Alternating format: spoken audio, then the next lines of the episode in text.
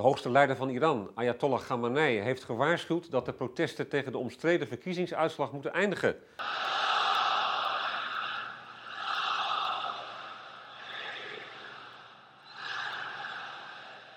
Thomas Erbrink, correspondent in Teheran en de enige nog Nederlandse journalist daar ter plekke. Wat zei Khamenei precies? Nou, Khamenei waarschuwde feitelijk voor bloedvergieten en geweld zo door zou gaan. En hij hield daar de oppositieleiders, meneer Mousavi, verantwoordelijk voor. Hij zei dat, eh, dat de competitie, de verkiezingsstrijd voorbij was. Hij zei dat hij Ahmadinejad steunde en dat het tijd was om door te gaan. Wat is de impact daarvan voor de oppositie? Zal hij naar hem luisteren? Nou, kijk, voor de oppositie is nu feitelijk voor het blok gezet. Ze hebben vanmorgen een grote demonstratie aangekondigd. Heeft gezegd dat hij geen demonstraties meer wil, dat hij rust wil. Hij roept ze op om via legale kanalen hun klachten over de verkiezingen te doorzoeken. Wettelijke kanalen? Ja, dat klopt. Met wettelijke kanalen. Om te kijken of ze wel uh, gelijk of ongelijk hebben gehad. Maar hij zegt, luister, er zullen maar een paar stembussen worden herteld. Het verschil tussen beide kandidaten, tussen Ahmadinejad en Mousavi, is 11 miljoen stemmen. Dat gaat niet veranderen. Ik steun de president. Feitelijk zei hij dat Ahmadinejad de winnaar van de verkiezingen is. Steven we nu niet af op een hevige confrontatie? Nou ja, als je morgen dus een. Eh, stel je bent een, eh, een Teherani en je wil net als de afgelopen dagen gaan demonstreren. Dan zal je morgen toch wel even drie keer nadenken voordat je op het, Azad, op het Azadi-plein gaat staan, bijvoorbeeld, waar ze willen afspreken. Want uh, feitelijk zegt de Opense leider dat hij dit niet meer tolereert. En, en dat, dat, dat, dat het dus aan de, demonstranten zelf, demonstranten zelf is als ze dat um, um, ja, niet in bloedvergieten en geweld willen laten eindigen. Toch is het zo dat de Raad van Hoeders van de Grondwet de verliezers van de verkiezingen heeft uitgenodigd voor een, voor een gesprek om hun bezwaar te kunnen uiten. Is dat een dialoog? Nou ja, eh, er zal wel geluisterd worden, maar feitelijk heeft Gamenei vandaag al gezegd hoe, gezegd hoe de vlag ervoor staat. Hij zegt verschil is gewoon te groot. Het Iraanse volk heeft gekozen en het heeft gekozen voor Ahmadinejad. Er zijn 646 klachten over de verkiezingen binnengekomen. Wat gaat daar nou mee gebeuren? Nou, die Raad van de Hoeders van de Grondwet die zullen al die klachten rustig nagaan. Maar als je 646 klachten hebt en je hebt al 46.000 stemlokalen, ja, dan zal de, dan zelfs als al die klachten ten, uh, in het voordeel van Mousavi worden beslist, dan zal het op de grote schaal der dingen, in ieder geval van de legale kant, nog steeds heel weinig uitmaken. Wat wel uitmaakt, is dat die stedelingen in het algemeen, van arm tot rijk, de afgelopen dagen hebben laten zien, niet alleen in Teheran, maar ook in andere steden, dat ze deze uitslag niet vertrouwen. Maar ja, wie nu de onderste steen boven gaat halen, het is niet de Raad van de Hoeders. De leider heeft gezegd dat Ahmadinejad heeft gewonnen. Dus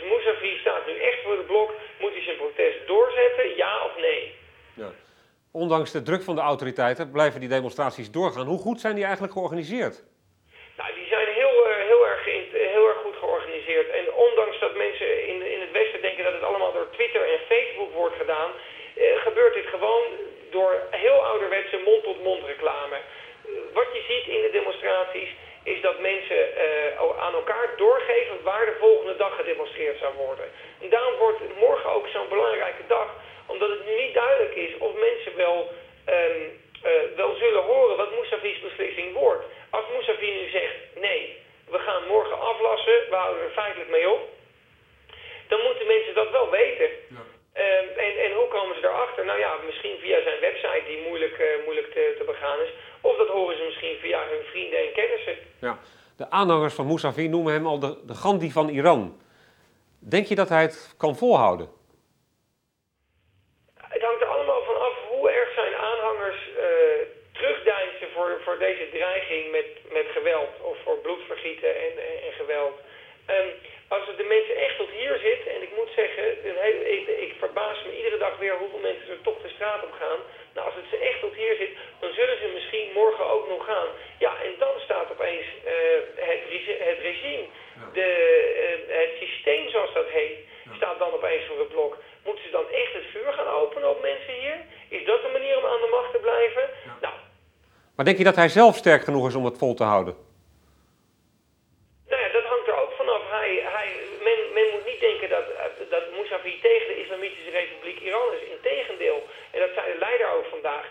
Is een van de vier kandidaten die een enorme staat van dienst heeft uh, en, en zich dienstbaar heeft gesteld voor de Islamitische Republiek Iran. Als een voormalige minister-president was die, heeft allerlei andere interessante functies gehad. Deze man wil niet dat de Islamitische Republiek uh, Iran ten val komt. Hij wil dat de verkiezingen uh, worden, worden herteld en dat ze feitelijk nietig worden verklaard. Nou, daar voelt hij heel sterk over. Maar als het blijkt dat, dat het hele schip wel eens met man en maatjes onder zou kunnen gaan, ja, dan bedenkt hij zich misschien wel. Wat denk jij dat er gebeurt nu? Nou, ik, ik, ik, ik, ik verbaas me iedere dag weer over wat er gebeurt hier. Eerst zagen we twee weken voor de verkiezingen jonge mensen dansen op straat en, en uh, zich sterk maken voor beide kandidaten. Vervolgens hebben we een verkiezingsuitslag uh, die in twijfel wordt getrokken. Dat is hier ook nog nooit gebeurd.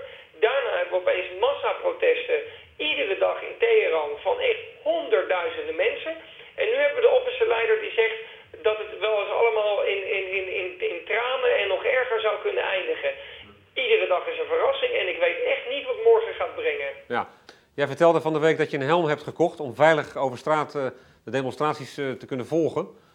Hoe beperkt is jouw bewegingsruimte nu op dit moment? Nou, ik zal de helm even erbij pakken, want uh, veel mensen hebben het daarover gehad. Ehm, wat ik niet echt nodig vind, dit verhaal gaat om de Iraniërs. Ja, nou, dit is een helm, die heb ik dan op. En dan zit ik achter op de brommer. Achter op de brommer en dan zien mensen het niet. Maar ja, uiteindelijk heb ik het maar één keer gedaan. En daarnaast lopen de spanningen ook nu zo op dat het gewoon oppassen is. Uh, ook voor mij, maar vooral voor die Iraniërs die toch deze dreigementen trotseren en de, en de straat op gaan. Oké okay, Thomas, bedankt en kijk uit.